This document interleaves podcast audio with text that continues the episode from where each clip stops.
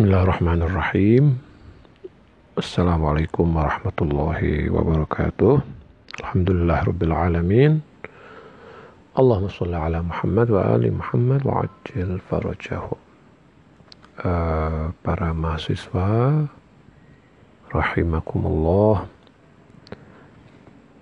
untuk kajian tafsir tematik kali ini agak berbeda dengan sebelumnya.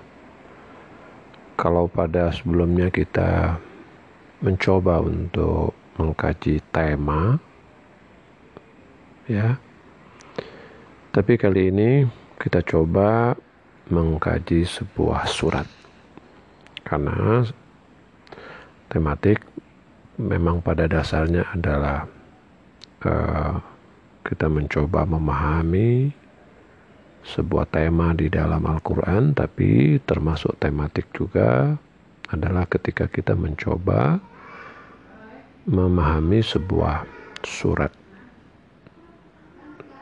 secara utuh. Karena surat uh, memang ada yang panjang, ada yang pendek dan di dalam surat yang panjang tentu saja mencakup banyak tema, banyak hal. Sehingga sebetulnya ketika kita mengkaji sebuah surat itu tidak mudah. Surat-surat panjang itu surat Al-Baqarah misalnya tidak terlalu mudah karena memang ayatnya terlalu banyak, temanya terlalu banyak. Tapi kalau surat-surat pendek biasanya temanya satu. Ya, ada fokus yang ditekankan di dalam surat itu. Nah, karena itu memang kajian surat yang kita coba untuk kaitkan ayatnya satu dengan yang lain itu masuk kategori kajian tafsir tematik. Kali ini saya coba ingin mengangkat surat Al-Qadar. Surat Al-Qadar, surat yang tidak terlalu panjang, cuma lima ayat, tapi penting untuk dikaji, penting untuk digarisbawahi karena uh, surat ini punya kaitan dengan tema takdir kita nanti akan bahas secara spesifik tentang tema takdir. Karena ayat-ayat tentang takdir apalagi eh, apa namanya ditambah dengan kodo karena kita mengenal istilah kodo dan kodar itu cukup banyak di dalam Al-Quran dan makna takdir, makna qadha digunakan dalam Al-Quran dalam berbagai makna, dalam berbagai dimensinya. Ya. Cuma itu nanti akan kita kaji. Kali ini yang kita kaji adalah uh, surat Al-Qadar. Saya bacakan dulu suratnya. Bismillahirrahmanirrahim. Inna anzalnahu fi laylatil qadr wa ma adraka ma laylatul qadr Laylatul qadri khairum min alfi syahr tanazzalul malaikatu warruhu fiha biizni rabbihim min kulli amr salamun hiya hatta matla'il fajr Surat Al-Qadar ini adalah salah satu surat pendek dalam Al-Quran dan turun di Mekah kategori Makkiyah dan memang surat-surat pendek itu pada umumnya turun di Mekah. Di surat Al-Qadar ini fokus ada beberapa tema pokok yang diangkat oleh Al-Quran. Pertama tentu tentang nuzulul Quran, bahwa Al-Quran diturunkan pada yang disebut dengan Lailatul Qadar. Kemudian tema kedua dan ini menjadi tema pokok berbicara tentang uh, Qadar itu sendiri dan berbicara tentang malam Qadar. Jadi ada Qadar dalam arti takdir dan ada lagi malam qadar atau Lailatul Qadar dalam arti malam penentuan atau malam pentakdiran. Nah, kalau kita mau pisah bisa satu bicara tentang malam qadar. Dan yang kedua bicara tentang uh, takdir. Tentu dua hal ini saling terkait satu sama lain tidak bisa kita pisahkan. Ya, paling tidak ada dua tema pokok yang dibicarakan Al-Quran itu. Satu tentang turunnya Al-Quran, walaupun itu cuma satu ayat, ya. Dan yang kedua lebih banyak bicara tentang takdir. Bicara tentang turunnya Al-Quran, Inna anzalnahu secara umum para mufassir berkata bahwasanya turunnya Al-Quran itu kepada Nabi Muhammad Wasallam itu dalam uh, atau turunnya Al-Quran lah secara umum dalam dua kategori. Ada turun yang bersifat sekaligus daf'atan wahidatan turun sekaligus. Ya.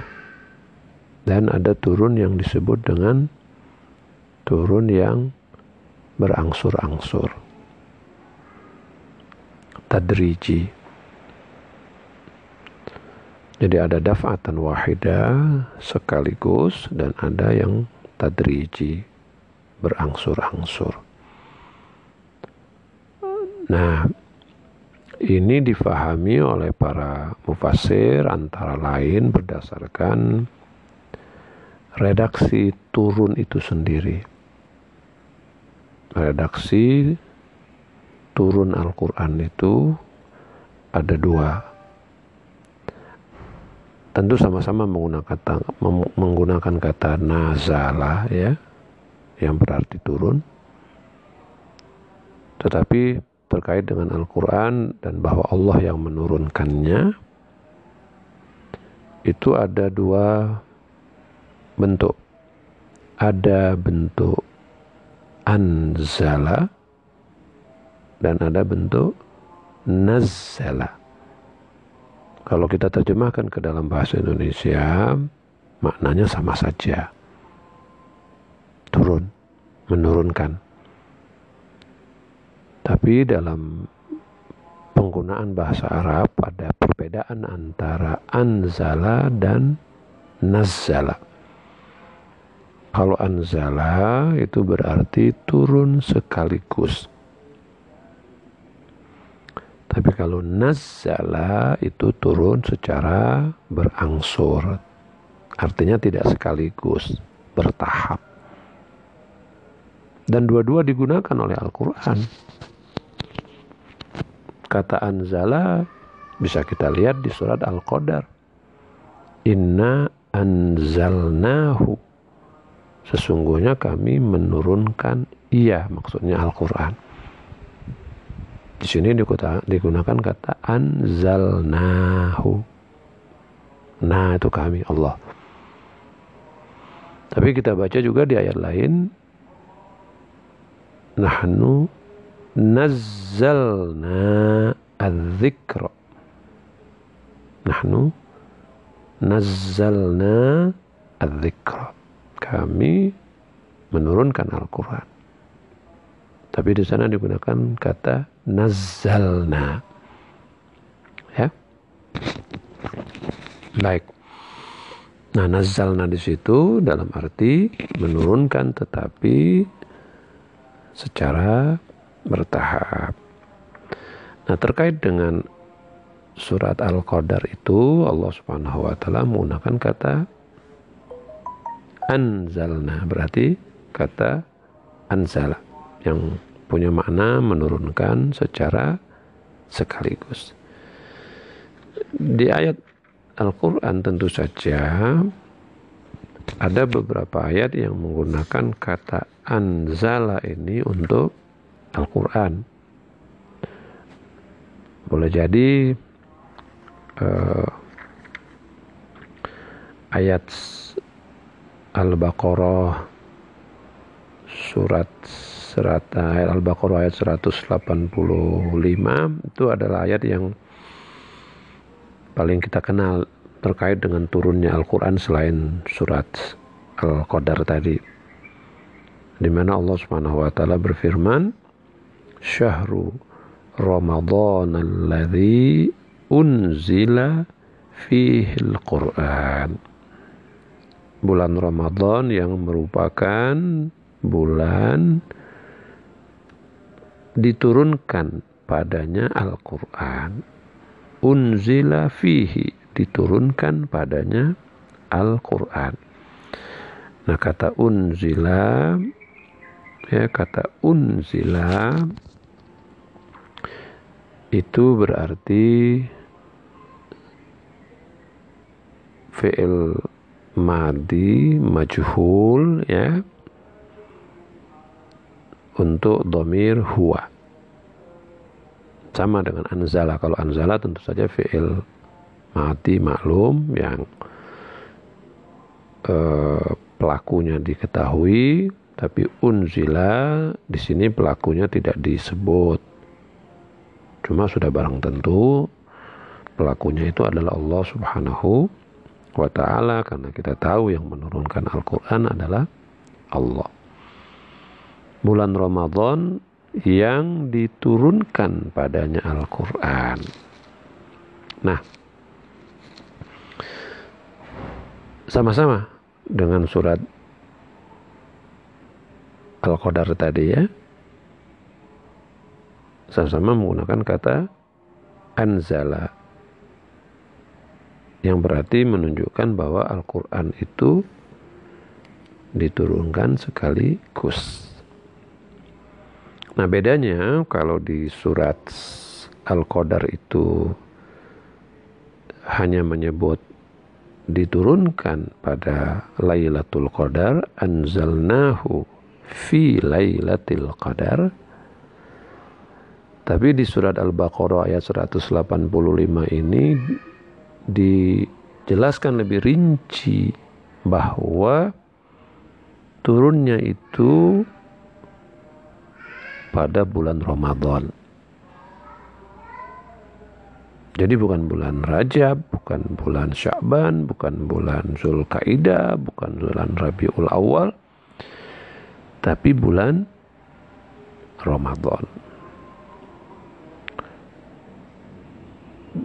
Dan kita tahu bahwa bulan ada 12, bulan Ramadan adalah salah satunya.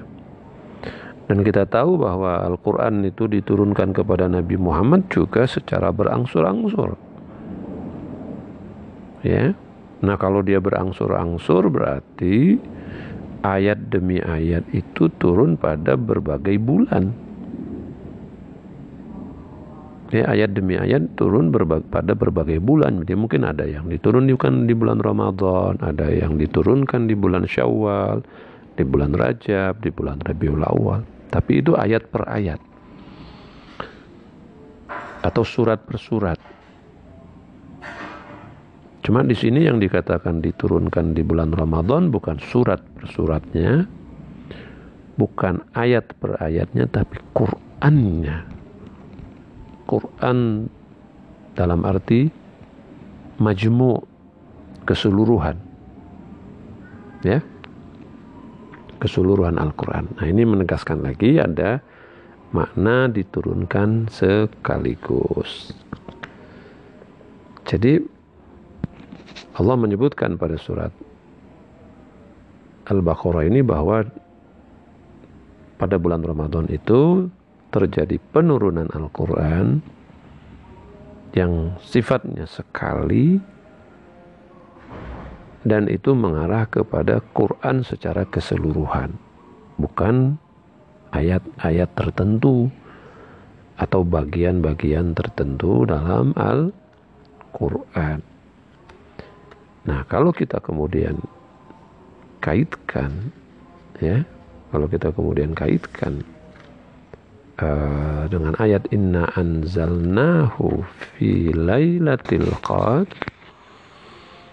maka kita bisa memahami bahwa yang Allah turunkan itu pada malam Lailatul Qadar itu adalah bukan sebagian ayat-ayat Al-Quran atau bagian-bagian tertentu dari ayat-ayat Al-Quran tetapi majmu kumpulan dari Al-Quran. Itu sebabnya kalau ada yang menafsirkan dan memang ada yang menafsirkan bahwa yang dimaksud turunnya Al-Quran pada Lailatul Qadar itu adalah ayat-ayat pertama yang dimaksud adalah surat Al-Alaq ayat 1 sampai ayat 5 uh, itu tidak sesuai dengan makna kata anzala yang berarti sekaligus itu. Ya. Kalau diartikan inna anzalnahu fi lailatul qad sesungguhnya kami turunkan awal Al-Qur'an. Ayat-ayat 1 sampai dengan ayat 5 pada surat Al-Alaq itu pada Lailatul Qadar. Itu kan berarti sebagian dari Al-Qur'an. Bagian kecil lagi malah. Sementara yang kita coba pahami bahwa kata anzala itu menunjukkan pada uh, turunnya sekaligus. Oke. Jadi pandangan yang yang mengatakan bahwa hanya lima ayat saja yang diturunkan pada malam Lailatul Qadar itu kayaknya nggak pas. Nah, kemudian kalau begitu apa sih yang dimaksud dengan diturunkan sekaligus itu? Al-Quran kan sudah memberi syarat tuh diturunkan pada malam Lailatul Qadar, pada Lailatul Qadar dan diturunkan dan Lailatul Qadar itu di bulan Ramadan. Sebelum kita menjawab itu, saya ingin mengajak eh, para mahasiswa untuk coba kita kaitkan dengan ayat 3 atau ayat 1 sampai dengan ayat eh, 5 atau bahkan 6 surat Ad-Dukhan. Karena di surat Ad-Dukhan ayat-ayat pertama itu juga membicarakan tentang turunnya Al-Quran pada sebuah malam yang diberkati. Hampir sama dengan surat Al-Qadar. Cuma di surat Ad-Dukhan ini bentuk kalimatnya adalah inna anzalnahu fi lailatin mubarakah. Ya. Sesungguhnya kami menurunkan Al-Quran pada malam yang diberkati. Nah, Berbeda dengan surat Al-Qadar yang mengatakan Lailatul Qadri di sini Lailatin Mubarakah. Tapi tetap sama penggunaannya ya sama dalam pengertian menggunakan kata anzala. Ya. Bismillahirrahmanirrahim. Hamim wal kitabil mubin. Inna anzalnahu fi lailatin mubarakah. Inna kunna munzirin. Fiha yufraqu kullu amrin hakim. Amran min indina. Inna kunna mursilin. Rahmatan min rabbika. Innahu huwas samiul alim. Hamim dan demi kitab yang menjelaskan. Sesungguhnya kami menurunkan Al-Quran pada malam yang penuh berkah, pada malam yang diberkati. Sesungguhnya kami memberi peringatan. Atau sesungguhnya kami pemberi peringatan. Pada malam itu, fiha hanya kembali kepada Lailatin Mubarakah. Pada malam itu, pada malam itu yufroku kullu amrin. Pada malam itu diuraikan, yufroku dibentangkan. Ya, yufroku diuraikan, dibentangkan. Segala perkara, kullu amrin. Hakim yang bijak. Jadi hakim adalah sifat dari amr. Jadi pada malam itu dibentangkan, dijelaskan, diuraikan segala perkara yang bijak. Amron min indina, perkara yang datang dari sisi kami, sisi Allah. Inna kunna mursilin, sungguh atau sesungguhnya kami pengutus, tentu pengutus para rasul. Rahmatan min rabbik, sebagai kasih sayang dari Tuhanmu. Innahu huwas samiul alim, sesungguhnya dia maha mendengar lagi maha mengetahui. Di sini anak-anak bisa kita lihat ada kemiripan dengan surat Al-Qadar. Kemiripan yang pertama ialah bahwa Ayat ini juga menggunakan kata anzala yang berarti turun sekaligus. Yang kedua juga menyebut bahwa turunnya itu pada sebuah malam. Lailatin. Sama dengan surah Al-Qadar. Fi lailatin. Kemudian di Ayat-ayat ini juga ada kesamaan dengan Al-Qadar dalam kaitannya dengan kata amrin. Ya. Di surat Ad-Dukhan ini Allah katakan fiha yufraku kullu amrin. Pada malam itu dibentangkan semua perkara. Berarti dia tahu diuraikan semua perkara. Nah, kita lihat di surat Al-Qadar sama ada penggunaan kata amrin, ada penggunaan kata amr. Kita lihat di surat Al-Qadar Allah juga gunakan kata biizni rabbihim min kulli amrin tanazzalul malaikatu warruhu fiha para malaikat dan ruh turun pada malam itu biizni rabbihim dengan izin Tuhan mereka min kulli amrin dari segala perkara membawa segala perkara ya. Jadi ada kesamaannya antara surat Al-Qadar dengan uh, surat Ad-Dukhan ayat-ayat pertama ini. Yang berarti juga membicarakan tentang uh, amr. Ya nanti akan kita lihat apa yang dimaksud dengan amr di situ. Cuma yang menarik ada perbedaan pada kata Lailatin Mubarakah dan Lailatul Qadar. Pada surat Al-Qadar Allah menggunakan kalimat ini dalam bentuk mudhaf mudhaf ilaih dalam bentuk idhafah.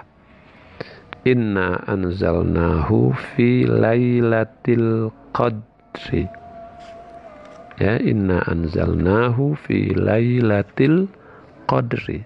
Lailatul qadri. Itu adalah bentuk idhofa. Lailati artinya sebuah malam. Jadi kalau lailu malam lailu tanpa tak marbuto itu artinya malam. Tapi kalau lailati lailatu artinya sebuah malam atau semalam ya. Lailatun wahidah. Satu malam. Nah di situ digunakan kata Lailatul Qadri. Malam Qadar. Jadi bentuknya idhofah. Lailatu mudhaf. Al-Qadri mudhafun ilaih. Ya. Nah kita tahu arti mudhaf dan mudhaf ilaih itu bukan sifat beda dengan sifat mausuf, naat, man'ut. Tapi kalau idhofah kan berarti menyandarkan ke sesuatu. Ya, menyandarkan sesuatu. Tidak bermakna hmm, apa namanya menerangkan sesuatu itu, menggambarkan sesuatu itu sebagai sifatnya. Misalnya kalau kita bilang uh, kita bilang tentang rumah misalnya ya. Baitun kabir. Rumah besar. Nah di sini kan bukan bentuk idofah tapi bentuk sifat mausuf. Rumah besar. Maksudnya kata besar itu menjelaskan tentang rumah itu bahwa rumah itu besar. Ya. Kata sif kata sifat itu ya kabir sebagai kata sifat maksud saya baitun kabir rumah besar. Jadi dijelaskan bahwa rumah itu besar. Kalau bantu idhafa misalnya kita sebut misalnya baitu Ahmad rumah Ahmad Ya. Ahmad bukan menjelaskan tentang rumah, tapi rumah itu disandarkan kepada Ahmad. Itu miliknya Ahmad. Nah, boleh kita buat baitu Ahmad kabir. Rumah Ahmad besar. Oke. Okay? Nah, Lailatun mubarakah fi lailatin mubarakah di situ sifat mausuf pada malam yang pada sebuah malam yang diberkati. Jadi malamnya diberkati. Jadi mubarakah menjelaskan tentang malam. Tapi Lailatul Qadri bukan dalam pengertian malam yang agung Karena kalau kita artikan fi lailatul qadri malam yang agung berarti di kata-kata qadar di situ itu dalam arti sifat mausuf. Nah, Al-Quran tidak menggunakan bentuk sifat mausuf. Bukan lailatun uh, misalnya kalau dari kata qadar itu kita mau artikan agung ya kita bisa sebut misalnya Lailatun Zatu Qadrin ya.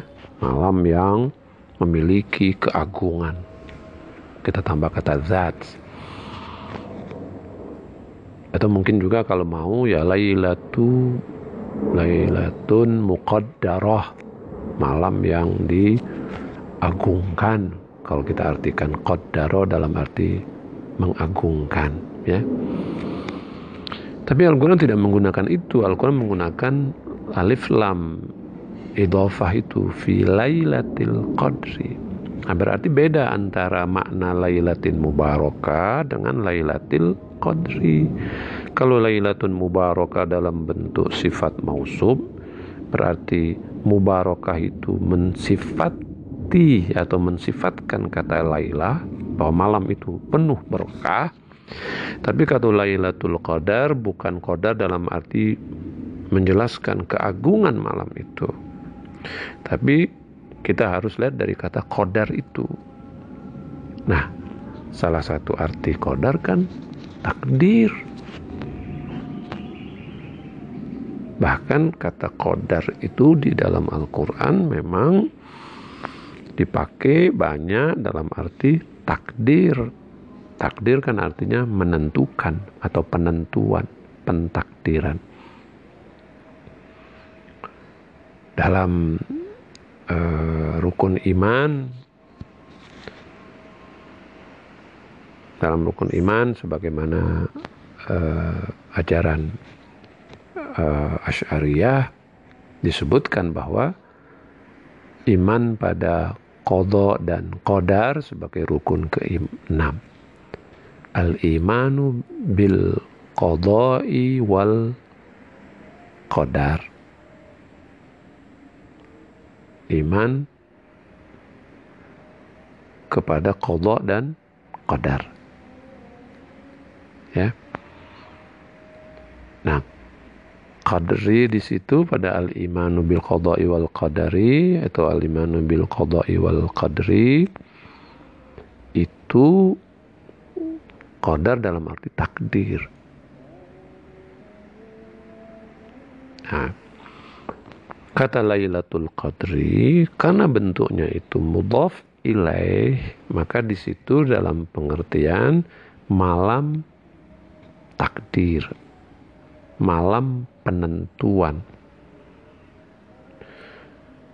Kalau kita mau gunakan kata sifat mausub artinya kita terjemahkan ke dalam bahasa Indonesia malam uh, yang ditentukan misalnya.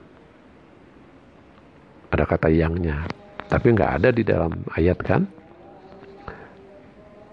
Ayat bukan begitu bentuknya berarti malam penentuan nah dari mana kita fahami atau didukung kata Lailatul Qadar itu dalam arti malam penentuan malam tak takdir, malam qadar?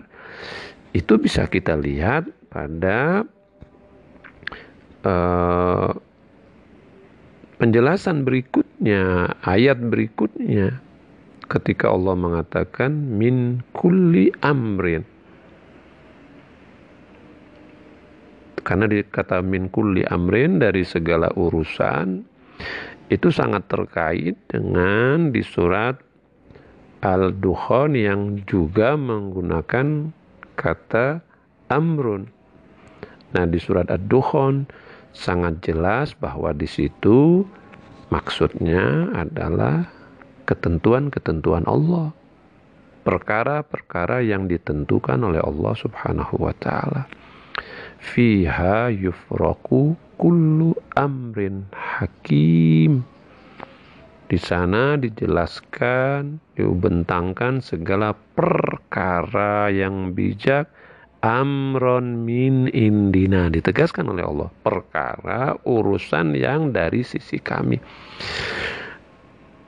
kita pasti ayat ini pasti terkait dengan surat Al-Qadar karena sama-sama menjelaskan tentang apa yang terjadi di malam Lailatul Qadar. Itu salah satunya adalah di malam Lailatul Qadar itu selain diturunkan para malaikat dan sebagainya dijelaskan diuraikan dibentangkan segala perkara yang bijak nah para mufasir mengatakan diuraikan segala perkara yang bijak perkara yang datang dari sisi Allah maksudnya bahwa malam itu Allah menetapkan takdir-takdir bagi alam semesta ini, khususnya bagi umat manusia.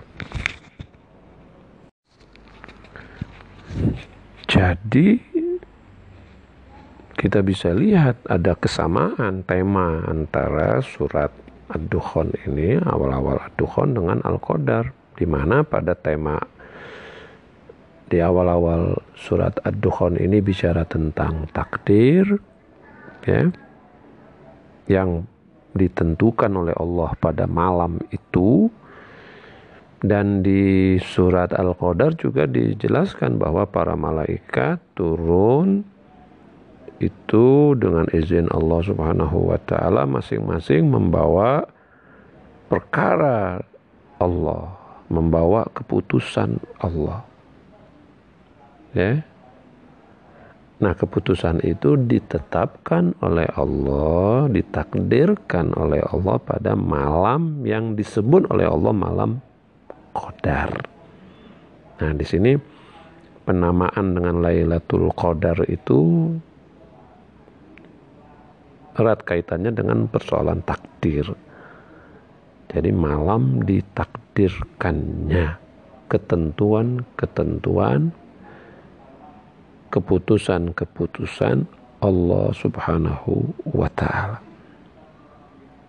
Ya. Nah, malam itu malam yang diberkati yang disebut di dalam surat Ad-Dukhan. Fi lailatin mubarakah. Jadi kalau Al-Qadar itu, Lailatul Qadar itu menjelaskan tentang Eh, peristiwa yang terjadi di malam itu yaitu pentakdiran bagi alam semesta khususnya bagi manusia ya di mana malam itu adalah malam yang diberkati sesuai dengan surat-surat tapi di surat Al-Qadar ditambah lagi bahwa malam itu adalah malam yang sangat mulia. Malam itu adalah malam yang sangat mulia. Malam yang sangat agung. Nah, kemuliaannya dan keagungan malam itu dijelaskan oleh Al-Quran ketika Allah mengatakan Lailatul Qadri khairun min alfi syah. Malam Qadar itu lebih baik dari seribu bulan. Jadi kata lebih baik dari seribu bulan menjelaskan tentang keutamaan malam itu. Bahwa nilai malam Qadar itu sangat tinggi, sangat mulia, sangat agung yaitu bahwa semalam itu malam itu walaupun dia cuma satu malam Lailatul Qadar itu cuma satu malam malam itu nilainya lebih dari seribu malam berarti dia berlipat ganda dia berlipat ganda seribu kali lipat ya ini menjelaskan tentang keutamaan malam itu. Di sini disebutkan keutamaannya lebih baik dari seribu malam. Di surat Al-Dukhan itu disebutkan malam yang penuh berkah. Nah, yang di malam yang penuh berkah ini apa yang terjadi? Apa yang terjadi? Satu, terjadi penurunan Al-Quran oleh Allah Subhanahu wa Ta'ala. Penurunan yang bersifat sekaligus, bukan penurunan yang bersifat bertahap. Allah turunkan Al-Quran secara sekaligus di malam Lailatul Qadar. Nah,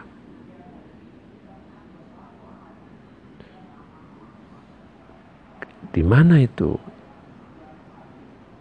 kapan itu Lailatul Qadar itu dan bagaimana turunnya Al-Quran sekaligus itu? Kalau ayat kan hanya menjelaskan tentang waktunya bahwa diturunkan di sebuah malam yang agung yang mulia yang diberkati. Dan pada malam itu Allah menentukan takdir-takdirnya di malam itu Allah turunkan Al-Quran. Turunnya ke mana? Karena ini sifatnya sekaligus, bukan bertahap. Kalau kita artikan turun ke bumi, turun ke bumi, maka pemahaman kita pertama ya turun kepada Nabi Muhammad melalui malaikat Jibril. Dan kita fahami selama ini bahwa ya turunnya berangsur-angsur. Sehingga mau tidak mau kita tidak bisa mengartikan itu sekaligus. Itulah sebabnya sebagian menafsirkan bahwa itu adalah turunnya ayat-ayat pertama dari surat Al-Alaq. Tapi karena posisi anzalna itu berarti turun sekaligus, maka menimbulkan pertanyaan, apa yang dimaksud dengan turun sekaligus itu? Ada sekaligus kan keseluruhan Al-Quran. Walaupun mungkin tidak satu ayat bukan dalam arti keseluruhan itu semua ayat dari awal sampai akhir boleh jadi itu hanya boleh jadi itu majmu majmu itu kumpulan. Jadi gambaran tentang Al-Quran secara keseluruhan majmunya. Boleh jadi ada ayat-ayat yang uh, tidak diturunkan pada malam Lailatul Qadar itu. Nah ini nanti terkait dengan persoalan uh, apa pemahaman kita tentang tentang perbuatan Tuhan ya. Tentang fi'lullah. Tapi terlepas dari itu bahwa dia diturunkan sekaligus. Nah itu sebabnya ada yang memahami bahwa fi Lailatul Qadar itu turun sekaligus tapi di Lauhil Mahfuz atau di Al-Baitul Ma'mur. Bait Al-Ma'mur, Al-Baitul Ma'mur di Lauhil Mahfuz. Nah, kalau bicara Lauhil Mahfuz berarti bukan di alam dunia ini. Di alam malakut. Di alam kesucian jadi Allah turunkan Al-Quran majmu' ya. Allah turunkan Al-Quran secara sekaligus ke Lauhil Mahfuz sebagaimana yang mungkin bisa didukung oleh riwayat-riwayat tertentu. Jadi Al-Quran diturunkan ke Lauhil Mahfuz secara sekaligus dan kemudian uh, baru diturunkan secara berangsur-angsur kepada Nabi Muhammad Wasallam untuk disampaikan kepada umat manusia yang berlangsung selama kurang lebih 23 tahun. Ya. Karena kan dakwahnya Nabi, kerasulan Nabi Muhammad itu kan selama 23 tahun. Berarti Al-Quran turun kurang lebih selama 23 tahun itu secara berangsur angsur.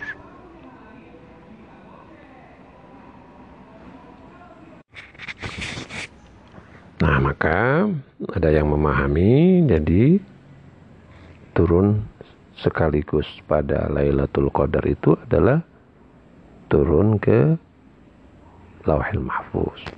Atau ke langit pertama ya. Atau yang kemudian disebut dengan Al-Baitul Ma'mur. Tapi bisa juga ada yang memahami bahwasanya turun pertama kali itu tidak dalam arti detail ayat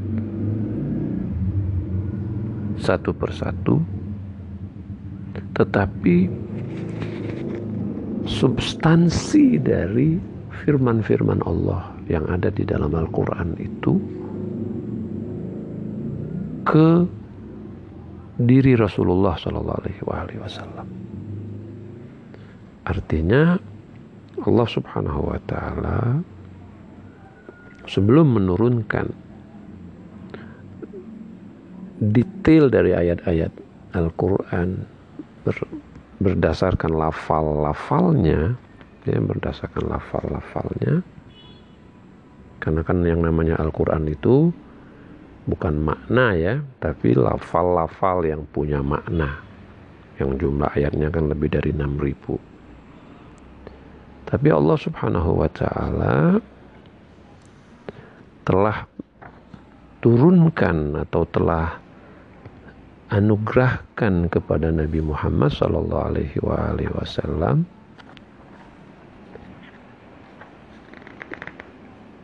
tentang isi dari Al-Quran itu.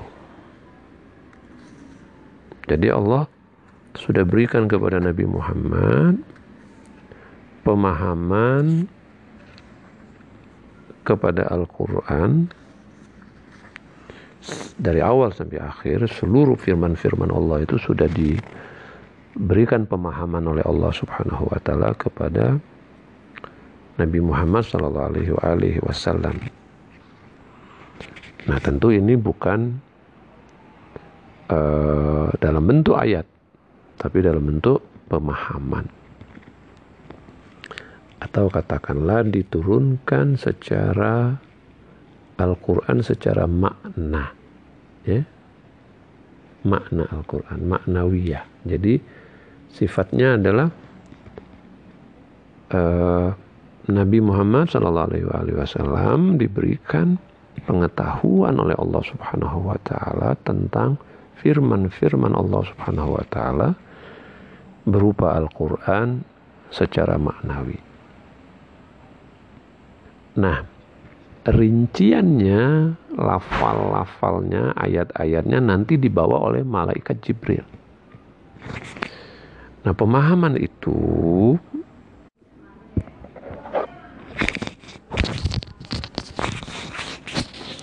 pemahaman itu bahwasanya Nabi Muhammad SAW sudah diberi pemahaman oleh Allah Subhanahu wa taala tentang Al-Qur'an tidak dalam bentuk ayat-ayatnya. Ya jadi sebelum turun ayat-ayat itu Nabi Muhammad sudah memiliki pengetahuan pemahaman tentang firman-firman Allah itu. Itu bisa kita hmm, fahami dari ayat uh, 192 sampai dengan 195 atau 196 surat Asy-Syu'ara. Coba deh kita buka surat Asy-Syu'ara ayat 192. Allah berfirman Bismillahirrahmanirrahim Wa innahu latanzilu rabbil alamin. Sesungguhnya Al-Quran itu merupakan firman-firman yang diturunkan oleh Allah Subhanahu wa taala Tuhan alam semesta. Nazala bihi ar-ruhul amin yang dibawa oleh ar-ruhul amin malaikat Jibril. Ala qalbika kepada atau ke dalam hatimu. Litakuna minal munzirin agar supaya engkau tergolong orang yang memberikan peringatan. Bilisanin arabiyin mubin dengan bahasa Arab yang jelas. Nah, ini kan ada isyarat bahwa Allah Subhanahu wa taala turunkan Al-Qur'an itu ke dalam hati Nabi Muhammad. Nah, apa sih yang dimaksud Al-Quran diturunkan ke dalam hati Nabi Muhammad? Itu salah satu maknanya adalah bahwa Nabi Muhammad sudah diberikan pengetahuan oleh Allah Subhanahu wa taala ya melalui malaikat Jibril yang kemudian mewahyukan makna-makna Al-Quran itu kepada Nabi Muhammad Shallallahu Alaihi Wasallam. Kalau kata ala kolbika, ala kol ya nazala ala kolbika kan berarti turun ke dalam hatimu. Nah, ini juga bisa kita lihat dalam surat Al-Baqarah ayat 97 ada makna yang sama di surat Al-Baqarah ayat 97 ya.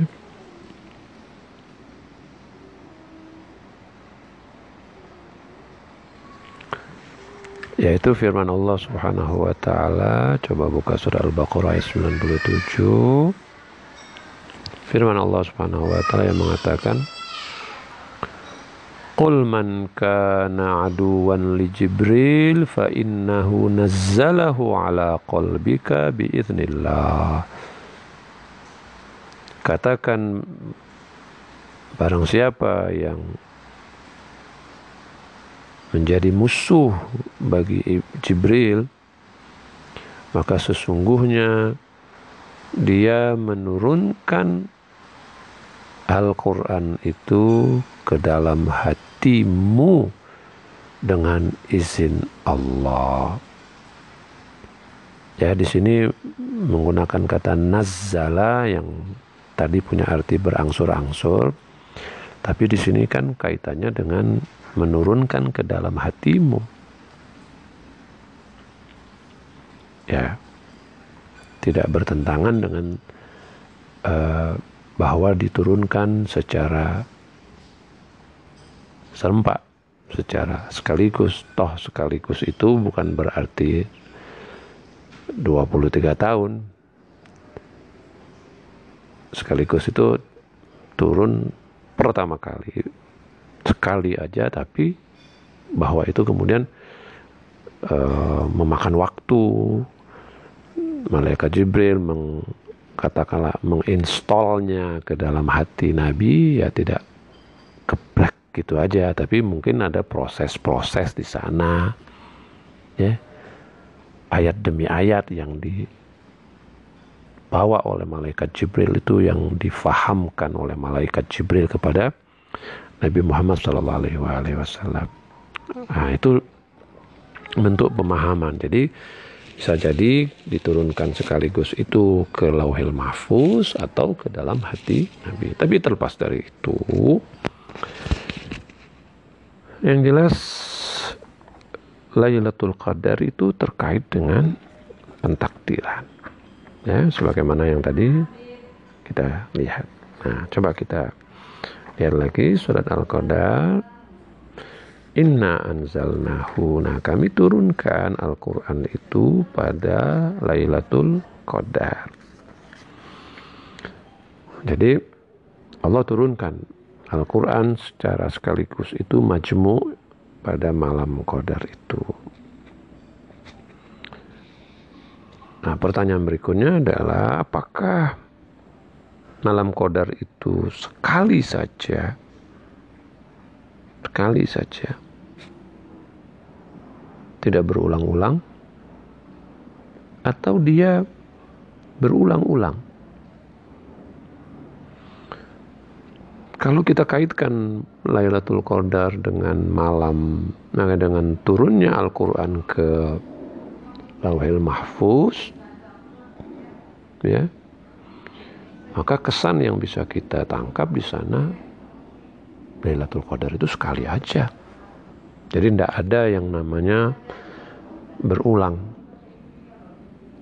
Allah turunkan Al-Quran di malam Lailatul Qadar itu. Bisa bisa punya arti itu. Laila kan semalam. Nah cuma kata malam itu kan hubungannya dengan bumi. Apakah di alam malakut sana juga ada malam? Nah, ada siang? Tentu di sana kan bukan hal yang bersifat materi. Nah, karena itu berkaitan dengan bumi, boleh jadi malam kodar itu berulang-ulang.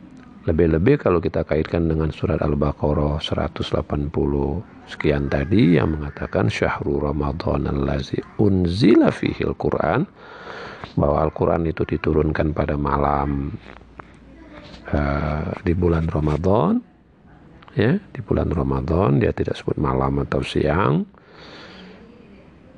Syahrul Ramadan allazi unzila fihi al-Quran dan Ramadan itu berulang-ulang. Ya dan Ramadan itu terjadi pada uh, berarti itu terjadi pada saat Nabi Muhammad SAW karena diturunkan kepada Nabi Muhammad. Berarti terkait dengan Nabi Muhammad. Dan itu di bulan Ramadan. Artinya di bulan Ramadan itu ada sebuah malam yang disebut dengan Lailatul Qadar. Turunnya boleh sekali. Turunnya sekali saja secara sekaligus itu kepada Nabi Muhammad entah itu di langit di Lauhil Mahfuz yang terkait dengan ada kesamaan dengan di malam Ramadan entah itu turun kepada Nabi Muhammad Sallallahu Alaihi Wasallam dalam arti ke dalam hatinya, tapi kata Lailatul Qadar itu bisa berarti dia bukan sekali saja selama abad sejagat selama alam usia alam ini usia uh, kehidupan ini tetapi dia bisa berulang setiap bulan Ramadan karena bulan Ramadan berulang Nah, kalau berulang artinya ada sebuah malam di malam malam Ramadan itu yang disebut dengan Lailatul Qadar. Kapan itu? Nah, para ulama kan berbeda-beda. Ada yang bilang di 10 malam terakhir. Ada yang bilang di malam-malam ganjil di 10 malam terakhir ada yang bilang di malam 19, 21, 23. Ada yang bilang bisa saja di antara satu dari sekian malam di bulan Ramadan itu. Tapi Lailatul Qadar bisa berulang. Bukan berarti berulang itu Al-Quran diturunkan pada malam yang sama di tiap tahun, enggak. Malam Lailatul Qadar itu berulang. Ya. Nah, boleh jadi berulang itu ya sesuai dengan usia bumi ini. Jadi nanti di bulan Ramadan ada sebuah malam yang namanya Lailatul Qadar. Al-Quran diturunkan di malam itu karena malam itu sangat mulia maka Al-Quran diturunkan pada yang pada malam yang sangat mulia itu pantas karena Al-Quran adalah kitab yang amat mulia maka dia diturunkan juga pada malam yang mulia. Atau sebaliknya, sebagaimana yang difahami sebagian orang. Karena malam itu adalah diturunkannya Al-Quran, ya, karena malam itu diturunkannya Al-Quran, maka disebutlah malam itu sebagai malam yang mulia.